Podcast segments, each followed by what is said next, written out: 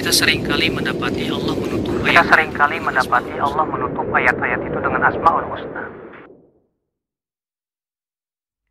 Bismillah, Assalamualaikum warahmatullahi wabarakatuh. Alhamdulillah, salatu wassalamu ala rasulillah, amma ba'd. Pemirsa Rasa TV di mana pun Anda berada, kita kembali lagi pada program kajian kitab Fikih Asmaul Husna bersama Ustadz kita Abu Yahya Badrul Salam Hafizahullah Ta'ala yang disiarkan langsung dari kediaman beliau di Celenggu, Bogor. Alhamdulillah Ustadz sudah bergabung dengan kita. Kepada Ustadz kami persilakan Faliyat dulu ya Ustadz. Alhamdulillah wassalatu wassalamu ala Rasulillah Nabiyina Muhammadin wa alihi wa sahbihi wa man walah wa asyhadu an la ilaha illallah wahdahu la syarika lah wa anna Muhammadan abduhu wa rasuluh قال الله تعالى في كتابه الكريم يا أيها الذين آمنوا اتقوا الله حق تقاته ولا تموتن إلا وأنتم مسلمون أما بعد Ayo ikhwah, kita melanjutkan kajian kita itu fikih Asmaul Husna dan kita masuk kepada pembahasan taksim asma'illah min haitsu ad-dalalah. Pembagian nama-nama Allah dilihat dari sisi penunjukannya. Kata beliau, Inna min al-qaid al-mufidah fi babi fahmi al-asma'il husna annaha min haitsu dalalatuha tanqasimu ila qismain. Sesungguhnya di antara kaidah-kaidah yang bermanfaat dalam bab memahami al-asmaul husna dari sisi dalalahnya.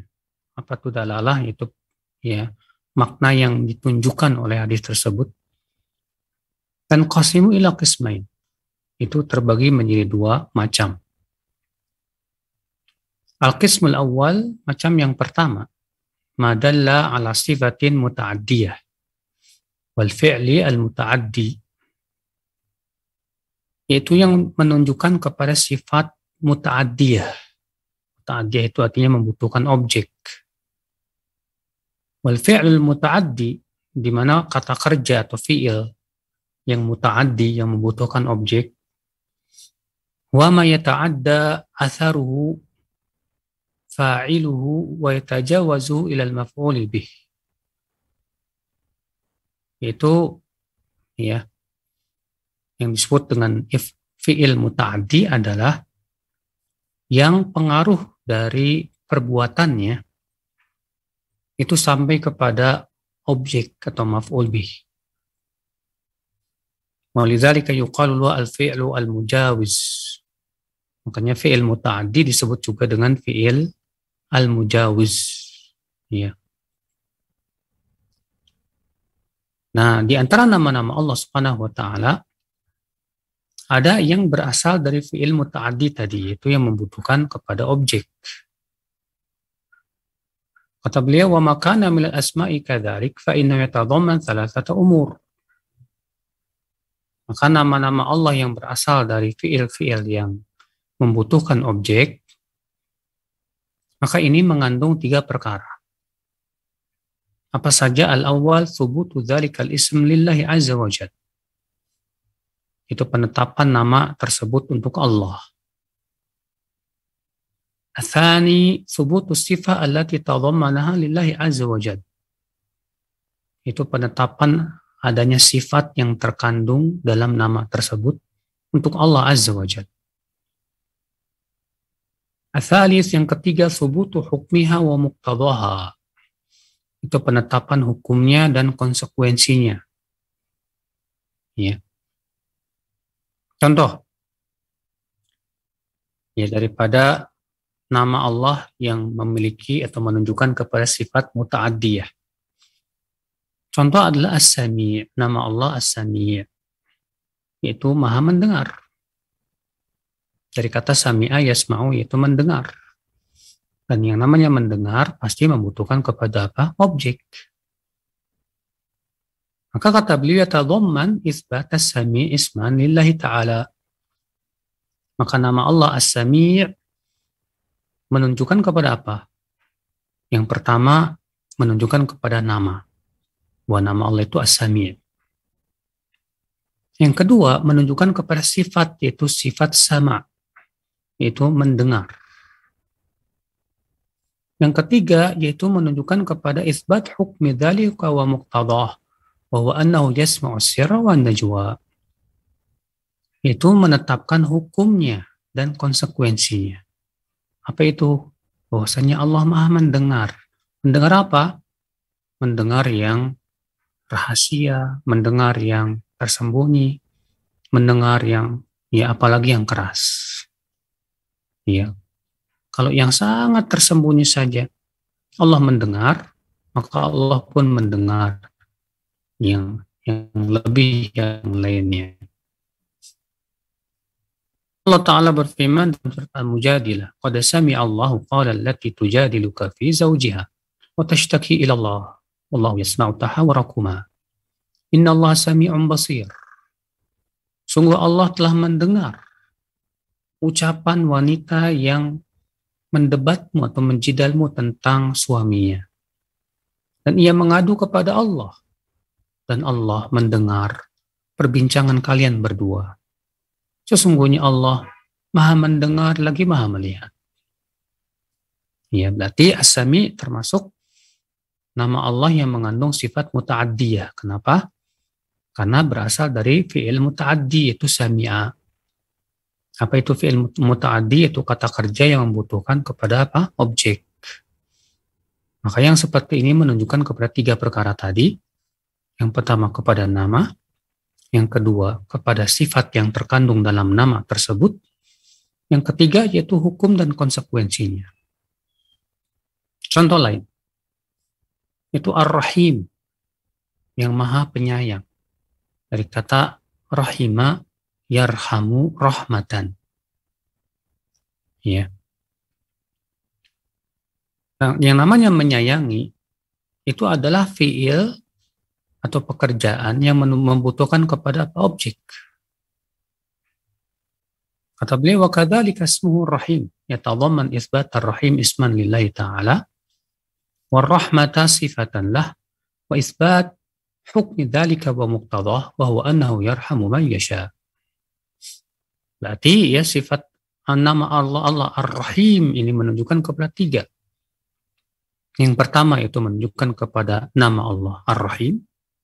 Yang kedua menunjukkan kepada sifat Allah yaitu bahwa Allah Maha ya, penyayang. Dan yang ketiga menunjukkan kepada hukum dan konsekuensinya yaitu Allah menyayangi atau merahmati siapa yang Allah kehendaki. Wahakadha yuqal fi jamil asma allati min hadan nau. Demikian pula seluruh ya nama-nama Allah yang memiliki mengandung sifat muta'addiyah tadi.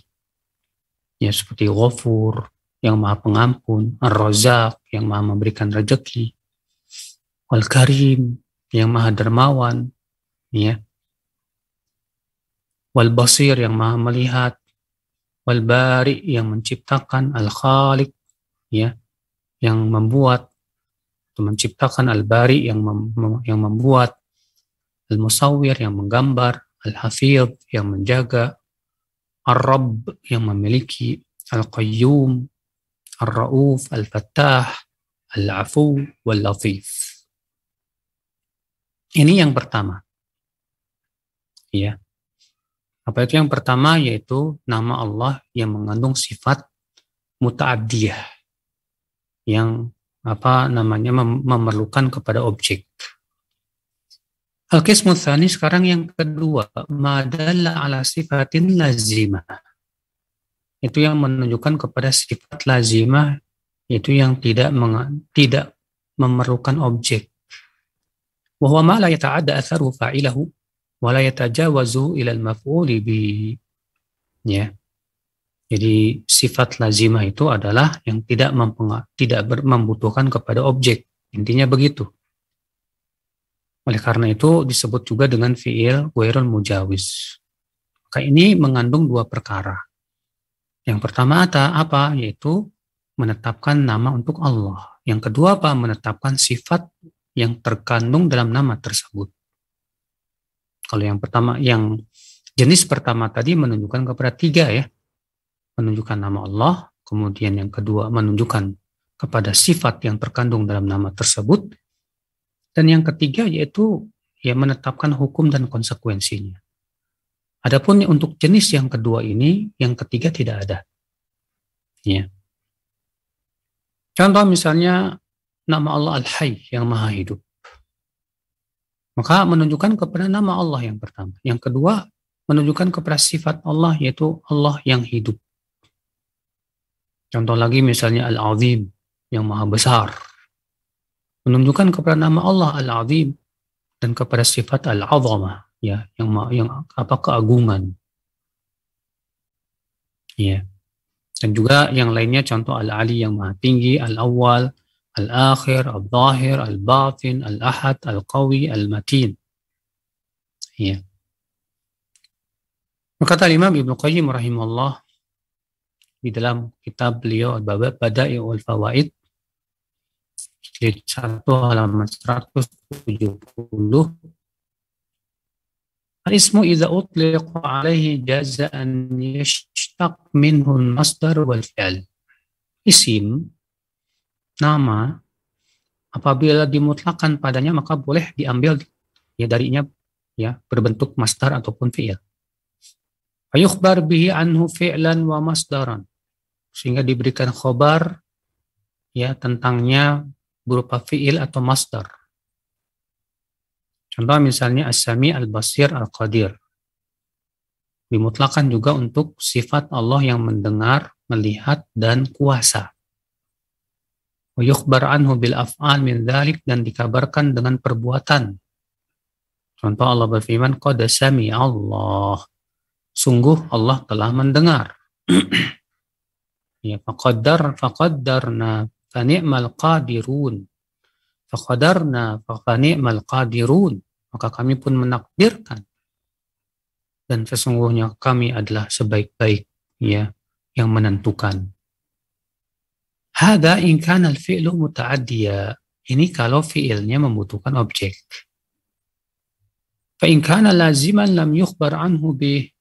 Tapi kalau fi'ilnya itu tidak membutuhkan objek, maka tidak perlu di, dikhobari dengannya. Contoh misalnya al-hayy. Ya. Bal yutlaqu al-ism wal masdar dun al-fi'l fala yuqal hayya. Maka yang seperti ini kata beliau dimutlakan padanya isim dan masdar, bukan fi'il. Ya. Maka tidak pernah disebutkan dalam Al-Quran Allah menyebutnya dengan fi'il hayyallah. Tidak. Ya. Nah, ini akal Islam azan ya Allah ya. Jadi ini jenis yang kedua ya. Jenis yang kedua adalah isim yang lazim, yang mengandung sifat lazimah artinya tidak membutuhkan kepada apa objek. Maka itu menunjukkan kepada dua perkara saja. Yang pertama kepada isim nama Allah. Yang kedua yaitu kepada sifat. Ya.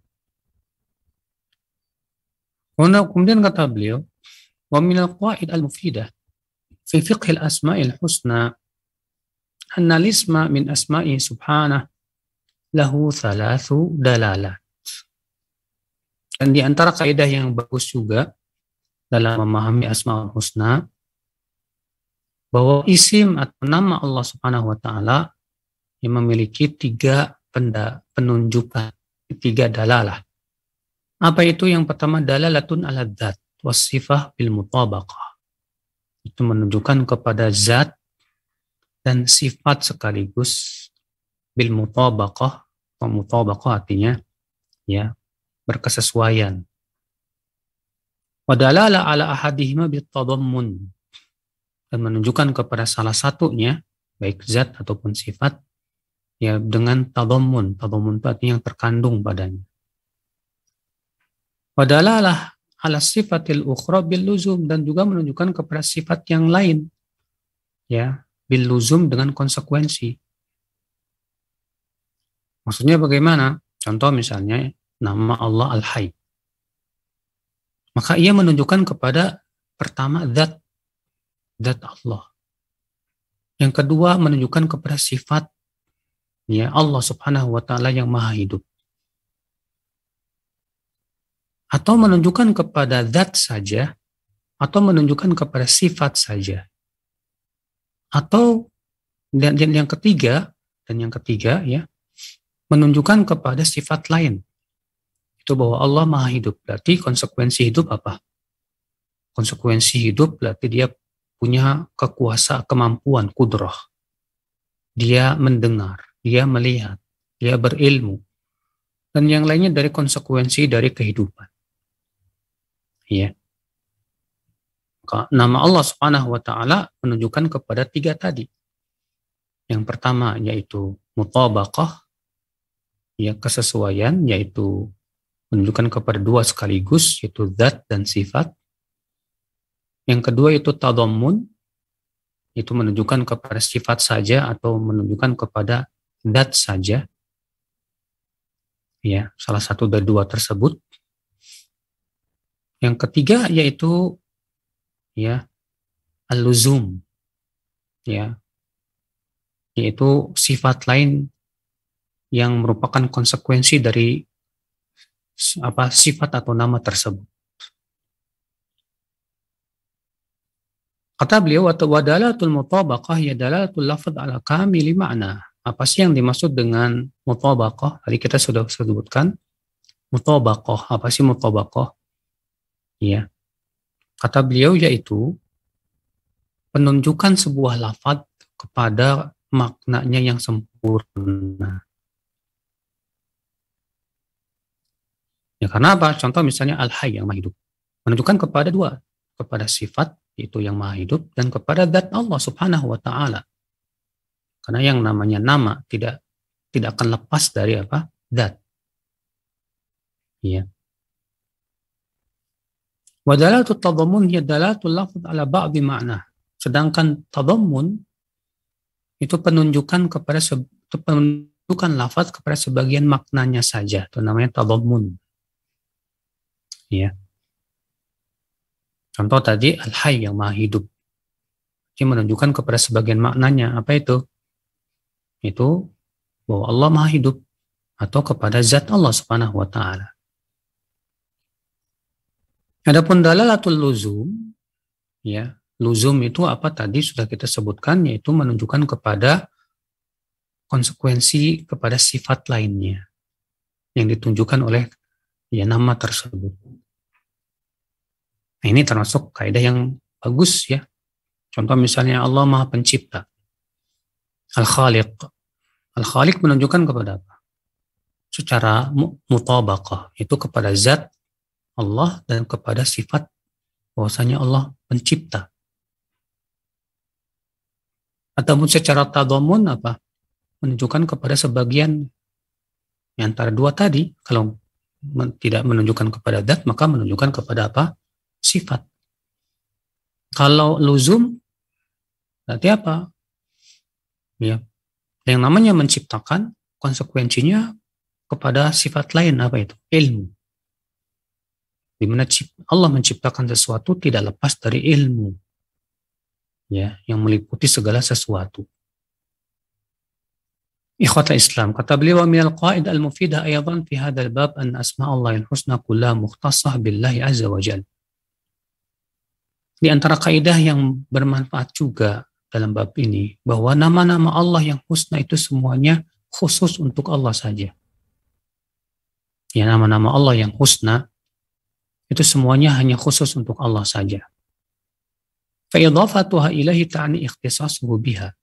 Ya ketika diidhafahkan kepada Allah, disandarkan kepada Allah, maka itu menunjukkan itu khusus hanya untuk Allah saja. Fa'allahu subhanahu kamal al-kamalul mutlaq. Kenapa? Karena kata beliau, bagi Allah lah kesempurnaan yang mutlak. Ya.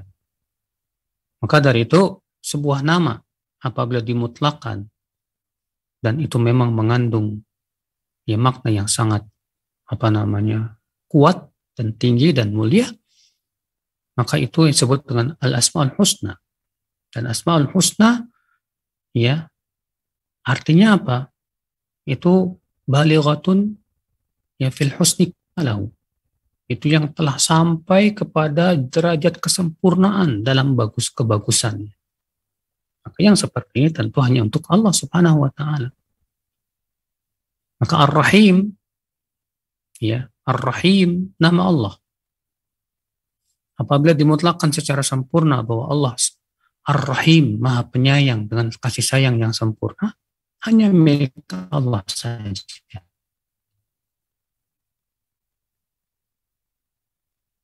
Kalau manusia di, di, disifati rahda, manusia ya disifati rahim juga ya, yang ya tapi yang nama ya, penyayangnya manusia itu tidak sempurna saudaraku sekalian. Ikhwata Islam azani Allah wa yankum. Kata beliau wa minal qaid al-mufidah uh, wa yadullu dzalika yang menunjukkan kepada kaidah tadi itu firman Allah Subhanahu wa taala walillahil asmaul husna. Milik Allah lah al asmaul husna. Ya Allah juga berfirman lahul asmaul husna milik Allah lah al asmaul husna di mana Allah Subhanahu wa taala ya mendahulukan jar dan majrur. Allah mengatakan lillahi. Allah tidak mengatakan al asmaul husna lillahi. Tapi Allah mengatakan walillahi al asmaul husna. Mendahulukan kata lillah dulu. Dan ini dalam bahasa Arab ya memberikan makna apa? Qasr, pembatasan.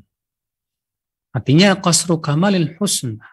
Ya, ats-tsabit li asma'i subhanahu wa alaih subhanahu ta'ala ya artinya membatasi kesempurnaan untuk nama-nama Allah Subhanahu wa taala itu hanya milik Allah saja, tidak untuk yang lain.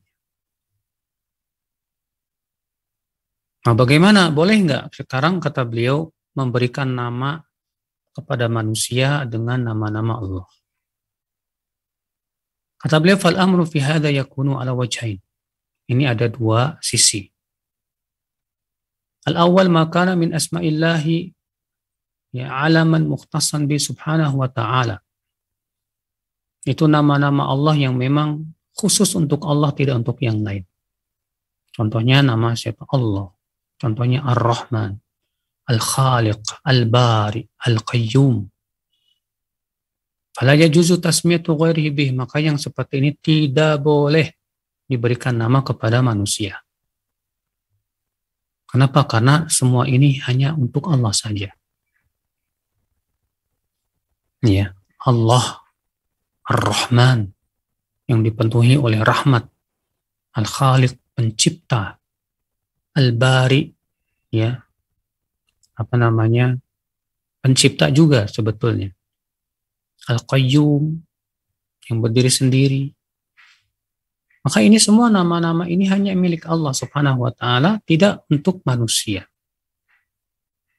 Kata beliau di anna musammahu muayyan la yaqbalu syarikah. Kenapa? Karena yang diberi namanya itu satu tertentu saja. Tidak tidak tidak menerima persekutuan. Allahu dzul uluhiyati wal ubudiyah ala khalqihi ajma'in. Maka contoh misal nama Allah, Allah dari kata al-ilah. Ya, yang artinya yang berhak disembah. Ya, hanya milik Allah. Ar-Rahman menunjukkan kepada apa? Kesempurnaan rahmat Allah yang rahmatnya meluasi segala sesuatu dan ini ini ya. Al-Khaliq apa itu Al-Khaliq itu yang menjadikan menciptakan sesuatu yang tadinya tidak ada menjadi ada. Ya. Artinya menciptakan sesuatu yang sebelumnya tidak ada. Dan ini hanya hanya untuk Allah saja. Al-bari man, yudish, man, man yujidu syai'a bari'an minal aib. Adapun al-bari itu yang menciptakan sesuatu ya tanpa aib. Dan ini hanya untuk Allah saja. Tanpa yang lainnya. Wadhalika la yakunu illa minallahi azza wa wahdah wa fala sama bi illallah. Maka nama-nama tersebut hanya untuk Allah saja, tidak untuk yang lain. Al-Qayyum Artinya apa? Al-Qayyum. Itu yang tidak membutuhkan kepada yang lainnya. Ini hanya untuk Allah saja. Karena makhluk membutuhkan yang lain sedangkan Allah tidak butuh.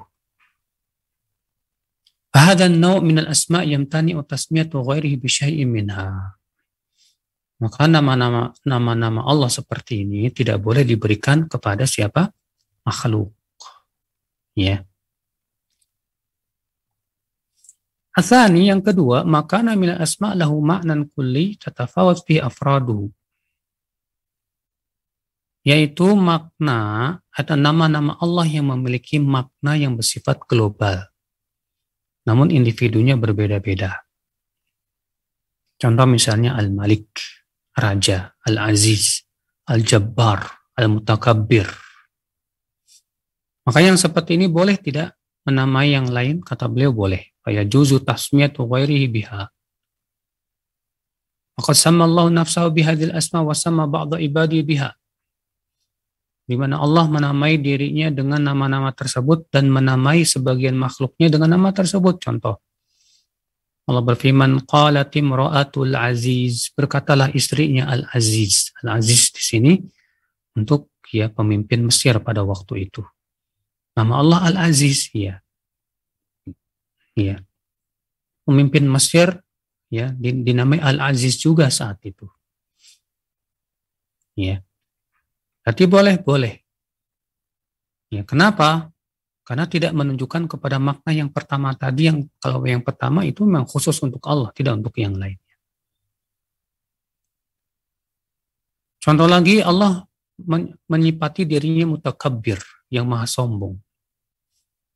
Dan Allah menyipati sebagian makhluknya dengan orang-orang yang sombong.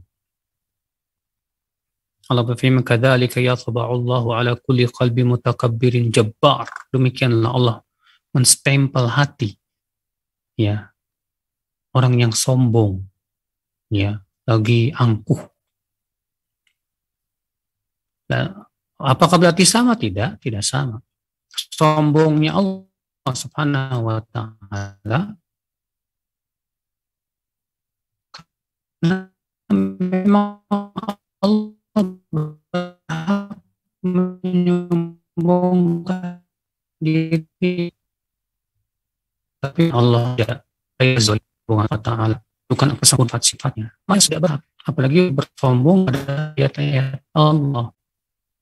Tentu dua dua maknanya sangat berbeda. Ya maka kata beliau fahada waswab Su'abul qaul fi hadil masalah. Inilah pendapat yang benar dalam masalah ini. Ya. Jadi kapan seseorang apa kapan apa sebuah nama Allah boleh diberikan kepada makhluk dan kapan nama Allah hanya untuk Allah saja perhatikan tadi bahwasanya itu ada dua macam yang pertama yang memang maknanya hanya untuk Allah saja seperti tadi Allah Ar-Rahman Al-Khaliq Al-Bari Al-Qayyum ya yang kedua yang memang nama Allah itu nama tersebut ya mengandung makna yang sifatnya itu eh, apa namanya relatif. Ya bertingkat-tingkat. Maka yang seperti ini boleh ya untuk diberikan nama kepada makhluk. Kata beliau wa mimma yaltahiqu bihadza an al-wajib tijah asma'illah ihtiramuha wa mura'atul adabi wa nahwiha. Dan di antara hukum yang harus dipahami bahwa kewajiban setiap kita adalah ya terhadap nama-nama Allah yaitu memuliakannya dan memperhatikan adab terhadap nama-nama Allah Subhanahu wa taala. Maka nama-nama Allah yang itu khusus untuk Allah kalau diberikan kepada manusia berarti nggak punya adab kepada Allah Subhanahu wa taala. Maka la yusama ahadun bismin fi naw'un naw' musyarakatin lillah fi asma'i. Tidak boleh seorang pun diberikan nama yang memberikan menunjukkan kepada persekutuan dia dengan Allah dalam nama tersebut. Contoh misalnya qadil qudah, qadinya para qadi hanya untuk Allah. Malikul muluk, raja di raja hanya untuk Allah. Hakimul hukam, hakimnya para hakim hanya untuk Allah Subhanahu wa taala, tidak untuk ya makhluknya. Maka ini tidak boleh diberikan nama kepada manusia tauhid untuk menjaga tauhid wasyanatan lijina bi asma'illah dan juga untuk menghormati nama-nama Allah Subhanahu wa taala dan sifatnya. Wadaf'an li wasaili syirk dan juga supaya ya tidak jatuh kepada apa kesyirikan. Iya. Kan dalam hadis Bukhari dari hadis Abu Hurairah wa Nabi SAW sabda in akhna'a ismin indallah rajulun tusamma malikul amlak. Iya. Sesungguhnya nama, nama sesungguhnya nama paling jelek di sisi Allah. Seseorang menamai dirinya Malikul Amlak, raja di raja. Iya. Dalam satu dalam riwayat Muslim dengan ada tambahan la malika illallah. Tidak ada raja kecuali Allah Subhanahu wa taala. Dan semua dalam sunnah Abu Daud dan yang lainnya dari hadis Abu Syuraih, semoga Allah meridainya, bahwasanya Abu Syuraih tadinya kunyahnya Abul Hakam. Maka Nabi bersabda, sesungguhnya Allah Allah lah Al-Hakam. Ya, dan kepada Allah lah hukum itu dikembalikan. Maka orang ini berkata, sesungguhnya wahai Rasulullah, kaumku apabila berselisih mereka datang kepadaku lalu aku memberikan keputusan kepada mereka yaitu hukum. Maka mereka semua ridha. Maka Nabi bersabda, bagus sekali. Famalaka minal walad, kamu punya anak tidak? kata ya sahabat ini punya ya Rasulullah. Anak pertama saya Syuraih, kemudian Muslim, kemudian Abdullah. Nabi bersabda siapa ya anak yang paling tua Syuraih. Kata Rasulullah kalau begitu ya kunyah kamu Abu Syuraih, bukan Abu Hakam. Kenapa? Karena sudah kita sebutkan Al-Hakam itu nama Allah Subhanahu wa taala. Ya. Nah, demikian. Ini sebagai adab kita kepada Allah Subhanahu wa taala. Baik, sekira cukup sampai di sini dan insya Allah pada pertemuan yang akan datang kita membahas kaidah berikutnya. Nah,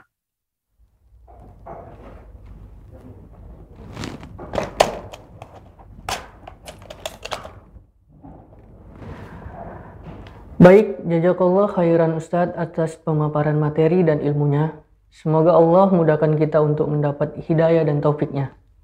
Kami mengundang pemirsa Rasa TV di mana pun Anda berada untuk mengirim pertanyaan dan bergabung bersama lain interaktif kami di 0822 8888 6630. Sekali lagi kami mengundang Rasa TV di mana pun Anda berada untuk bergabung bersama kami atau layakan pertanyaan di 0822 8888 6630. Baik, sudah ada pertanyaan yang masuk. Assalamualaikum Ustadz. Ana hamba Allah dari Medan. Mau bertanya, bagaimana penjelasan tentang 20 sifat wajib bagi Allah? Jazakallah khairan Ustadz.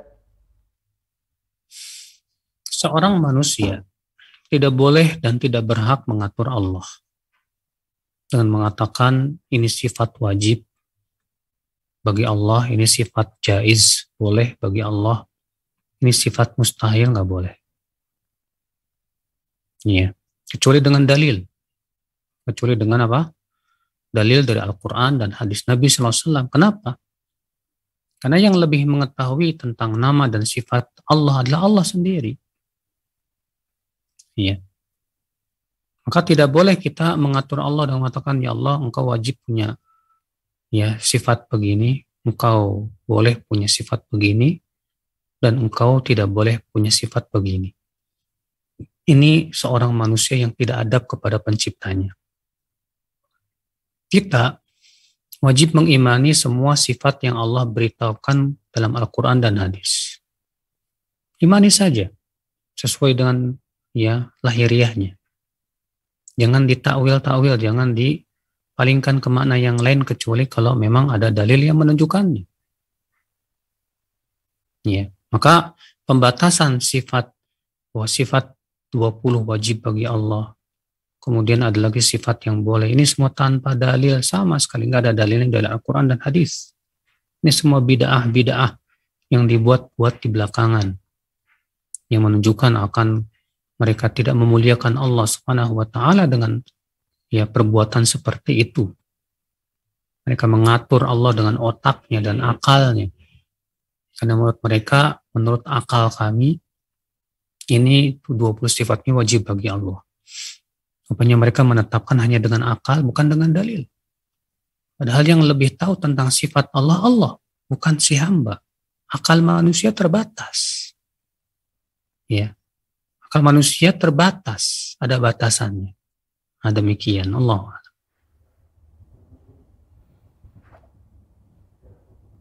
Oke. Selanjutnya ada lagi nih beberapa pertanyaan yang masuk. Bagaimana hukumnya menghafal nama-nama Allah dengan menggunakan nada dengan maksud agar lebih mudah menghafalnya Ustadz? Menggunakan nama apa menghafal nama Allah dengan menggunakan nada. Selama nada itu tidak melalaikan tidak terlalu dibuat-buat ya. Biasa saja boleh nggak masalah? Ya untuk sebatas supaya memudahkan kita untuk menghafalnya. Adapun kalau nada itu seperti nyanyian mirip dengan nyanyian ya kayak nyanyian keroncong misalnya atau kayak nyanyian apa namanya dangdutan misalnya atau rock and roll misalnya. Ini tidak boleh. Ya kenapa? Karena nama-nama Allah bukan nyanyian. Bahkan Rasulullah pun juga tidak pernah menjadikan nama Allah untuk zikir. Yang Rasulullah ajarkan kepada kita berzikir itu dengan apa? Subhanallah alhamdulillah. La ilaha illallah Allahu akbar Rasulullah tidak pernah mengajarkan kita zikir dengan Ar-Rahman, Ar-Rahman, Ar-Rahim, Ar-Rahim, Al-Aziz, Al-Aziz, dan yang lainnya. Ya bahkan kata Ibn ini termasuk bid'ah dalam agama, a'lam. Nah. Alhamdulillah, mungkin itu saja pertanyaan yang dapat kita bacakan. Semoga jawaban dari Ustadz dan ilmu yang kita peroleh bermanfaat bagi kita semua. Sebelum kita tutup, mungkin ada kesimpulan dari Ustadz kita ya, mungkin ada kesimpulan dari Ustadz kita yang ingin disampaikan. Kepada Ustadz, kami persilakan Ustadz. Jadi sekali lagi saudaraku sekalian ya, bahwa nama-nama Allah subhanahu wa ta'ala apabila itu mengandung sifat muta'adiyah yang yang apa, memerlukan objek itu menunjukkan kepada tiga itu? Yaitu menunjukkan kepada nama, kemudian menunjukkan kepada sifat, kemudian mengandung menunjukkan kepada apa? Ya, hukum dan konsekuensi. Adapun kalau nama itu tidak tidak mengandung sifat muta'adiyah tapi mengandung sifat lazimah, maka itu hanya menunjukkan kepada dua. Yaitu menunjukkan kepada ya sifat Allah Subhanahu wa taala dan menunjukkan kepada namanya. Iya. Ini di antara kaidah-kaidah dan juga kaidah-kaidah yang sudah kita bahas tadi ya berupa dilihat dari tiga macam yaitu ya mutabaqah, tadamun dan luzum. Dan itu semua sudah kita jelaskan tadi wallahu alam wabillahi taufik. Assalamualaikum warahmatullahi wabarakatuh.